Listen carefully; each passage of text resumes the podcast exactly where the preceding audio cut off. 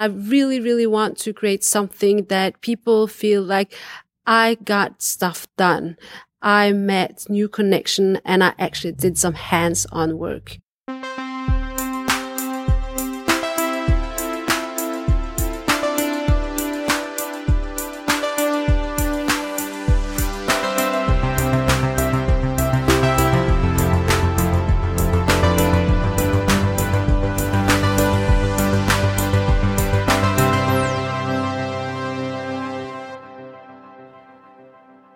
Hi, welcome to Heja Framtiden, the Swedish podcast about the future. The Norwegian Catapult Future Fest is on its third year, and today we're meeting Ida Faldbakken, creative director of Catapult Future Fest in Oslo. The next festival will be in May 2019. My name is Christian von Essen.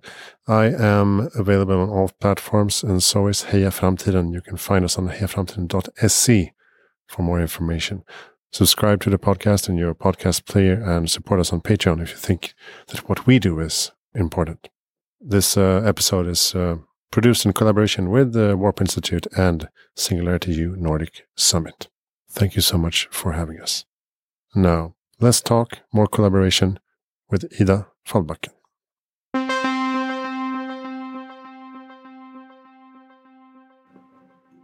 So we're still um, we're still podcasting from uh, Singularity U Nordic Summit in Stockholm, and uh, I'd like to welcome Ida Faldbakken to Heja Framtiden. Thank you. Uh, creative director of uh, Catapult Future Fest in Norway. Yes. Um, tell us a bit about Catapult. So Catapult Future Fest is uh, is a festival more than a conference. It's uh, three whole days uh, we have one day which is focusing on uh, impact investing, which is a day for uh, impact investors or investors that wants to learn more about impact investing solely. Uh, and then it's two uh, additional days that is um, focusing on also impact investing, uh, exponential technologies or technologies that has exponential growth and potential in, in scale good solutions for um, a better future society. And then we have the conversation, the underlying conversation about what kind of world do we, can we create? Do we want to create? And what kind of questions do we actually need to raise now in, in, in the 21st century that are driven by technology in a tremendous pace to actually be able to use tech for good? And how long has it been going on? So this uh, uh, May 18 this year was our second year. So I'm now curating and uh, reflecting on uh, 2019, uh, which is going to be in May again. But but Catapult is is more than just a future festival, right? Yeah, absolutely. Mm -hmm. Yeah, absolutely. So the very often we go under the name the Catapult family. Uh, we are based out of Oslo. Our investment company Nordic Impact is doing impact investment. Uh, we are the drivers uh, in these initiatives. We have the Catapult Accelerator, which is uh, sourcing um, impact founders from all over the world to our three months program uh, where we also do investments to that accelerator. We have Catapult Ocean, which is going to launch the first program and batch now in Q1 uh, 19. And then we have um, uh, Catapult Fund, which is an AI for, uh, or fund for AI for good.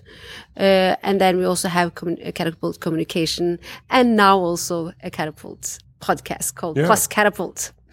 What's it called? Plus Catapult. Plus Catapult. Mm. And you launched it now? Or you, you recorded some interviews here? We have recorded some interviews here uh, at the SU Summit, yeah. Uh, together with uh, Aurore Belfrage? Yes, right? absolutely, yeah. Old friend of mine, actually. Yeah, uh, and a wonderful person with uh, a beautiful energy and coming from the investment space and and very knowledgeable about uh, technology and also with a, a, strong, I would say, political human being. So it's a perfect fit for for what we are trying to do with the podcast as well. Uh, but but you come from a slightly different background. You you come from uh, humanities and mm. philosophy mm. background. Yeah. Um, what can you tell us about your career? What, what what led up to uh, curating a future festival?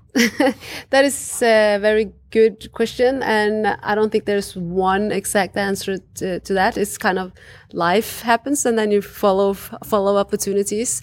But I guess I have always been a quite political and curious human being.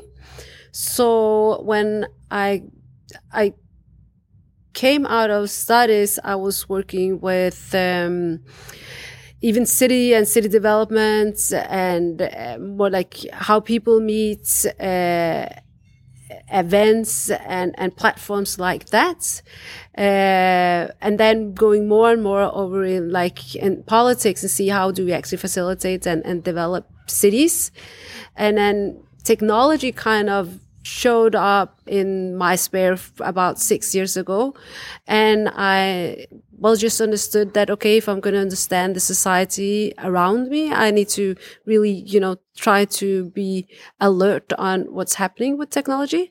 And then i started to kind of apply my way of thinking from the humanities and a very interdisciplinary studies in humanities over to the the race of technology and how, how we kind of think and communicate and use and understand technology today as many people here and in this uh, area mm. of expertise, they often come back to the people. Yeah, in, yeah. um, after discussing the technology, mm. would you say that we need more of uh, humanities um, uh, research and uh, philosophy stuff like that mm. to move forward? I think it's been a lot of talk about you know STEM and we needing these uh, kind of uh, studies and expertise. Um, but now we're talking more and more about STEAM, and then we put the arts in as well. Uh, yeah, right. So we also have like the arts in that, and I think uh, even now, very very newly, I think last week even that at uh, MIT is um, establishing a new college uh, where they have an interdisciplinary approach to artificial intelligence or their artificial intelligence program, uh, which is uh, including then also biology, history, linguistics, uh, as well as as uh, data science and and their data science programs. So it's as you said it's like it's something about the human being and and to to really truly understand that technology is made by humans and it can be used as a tool for humans and our challenges. It's not that technology is like all of the sudden it's going to like be something that we cannot steer or that is not man-made in a way. And uh, you work a lot with as you said impact investing. Mm. um, what is your definition of that? Well, so it's investments done in solutions that has a, a societal or social benefit, and there's no uh, kind of um, what do you call it? Not contradiction to, but well, I'll use that in the in lack of a better English word uh, between profit and pur purpose uh, is not going to have like less profits if it's an impact investing. And so it, it is truly an investment, but we will not invest in anything that doesn't have a social uh, or societal good. Because we've seen a lot of that in Sweden and uh, Stockholm in particular lately. Mm -hmm. for example, Norrsken, which might be a, an equivalent to Absolutely. your organization. Um, and how is Norway doing? In that space? Yeah. Well, it's a it's a it's a it's a young space and it's a young conversation. And uh, right now, say there is uh, some confusion on based on basically more traditional uh, investment patterns, saying like, is it well, is it philanthropy or is it venture philanthropy or uh, is it really investments or where do we have like impact investors when it comes to grants or other kind of uh, financial uh, vehicles in a way. Uh, I think there's a huge interest when it comes to next generation wealth holders.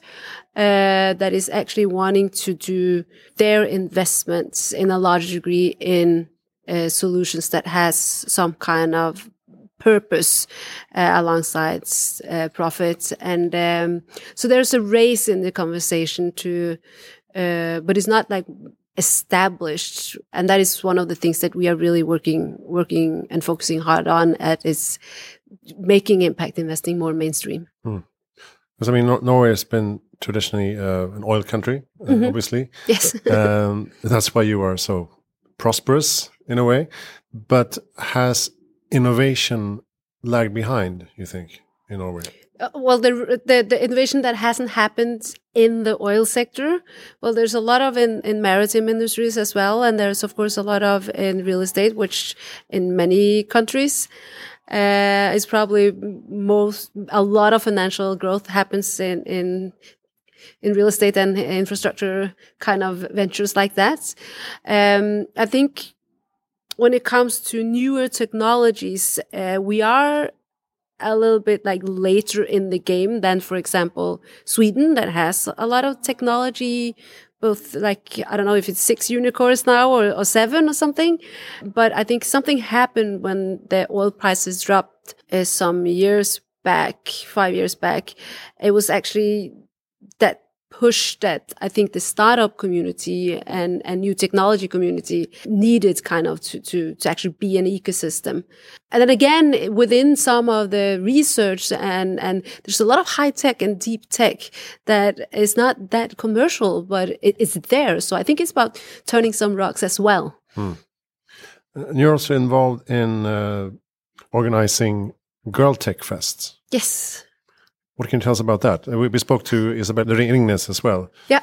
And she's part of that too. Yes, absolutely. So, so what what is what what are you doing exactly? What's happening on these uh, fests? Why? So the the reflection was that you kind of uh, we have to have more girls uh, and and awakening in technology and kind of awaken their their interests.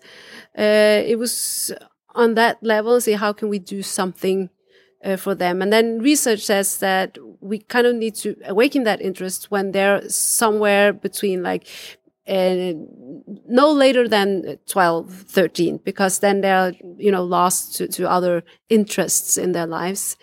Uh, so the first year we just made, um, uh, a collaboration with the uh, library, the big library in the city, which is beautiful because you have all these like 3D printers and and uh, little bits and all this maker kind of equipment and tools and all the girls and then you have like the heavy bookshelves so it's kind of a, a library situation 3.0 or 2.0 and uh, and then this initiative just grew and with this uh, year just now early like in september uh, there was like 1500 uh, uh, girls in that age on libraries all over norway that has one day with uh, that's just teaching that that technology can be creative and fun. Wow. And uh, do you do you follow up on that somehow?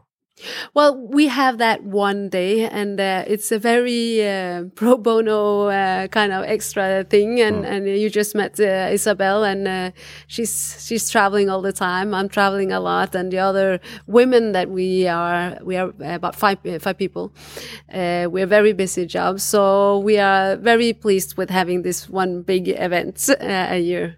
But of course, there's a lot of initiatives for both uh, uh, boys and girls in that age. But mm. we just choose to have this day because it actually shows that girls uh, need that little bit of space by themselves. What is your main tip for people with money who wants to uh, pursue impact investing?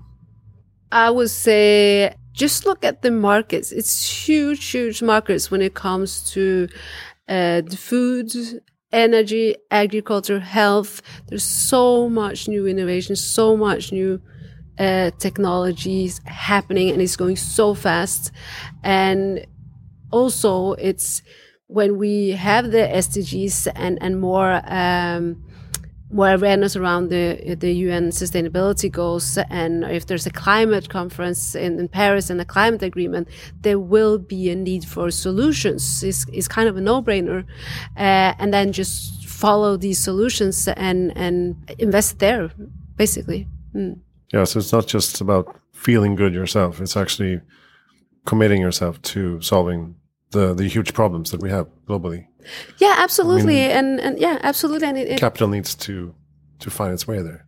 Yeah, so it's so one thing is like it's it's this is pure investment, right? Uh, what we are doing. I was just I was just talking to one of the speakers here yesterday, um, Steven Kotler, and they wrote a book called Abundance. Him and Peter Diamandis, which is one of the founders of Singularity University, uh, ten years back, and uh, he was saying like within this field of impact investing or investing in actual solutions that solves real problems in the world for us human beings.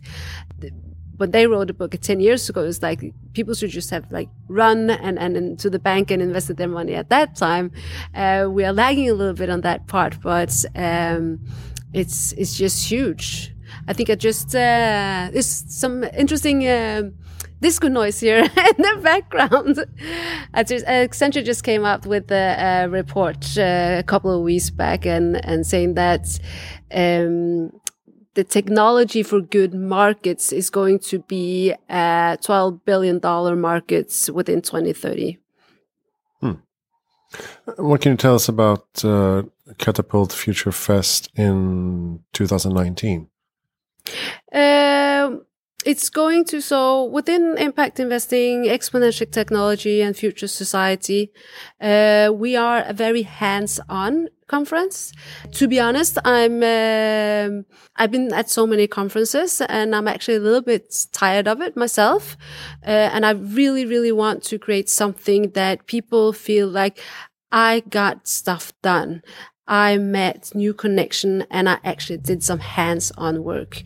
So when I talk to every speakers, uh, I'm saying that you're here, you hold for three days, you're in there for the long run. You have to get ready to get your hands dirty.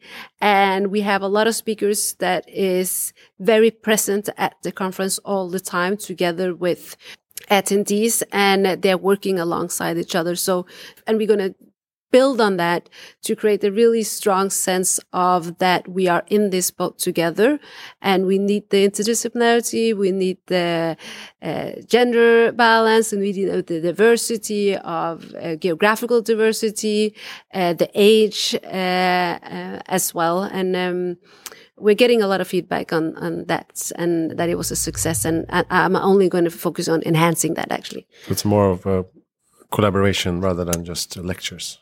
Absolutely, a lot of collaboration and more panels and and and uh, less like big keynotes uh, or or just making sure if there's big keynotes that they're actually there and and they're working alongside other attendees in workshops. So we share the expertise because I think it's about that.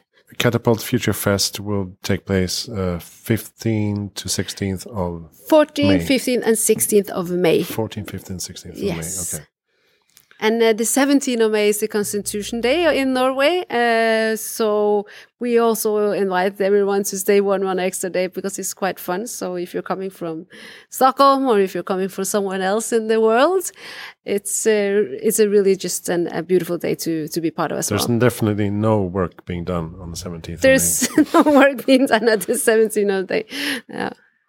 Okay, thank you so much, uh, Ida Faldbakken. Uh, what is your before we end, um, do you have? I usually ask like, what is your best tip for making the world a better place or to uh, make a better future together?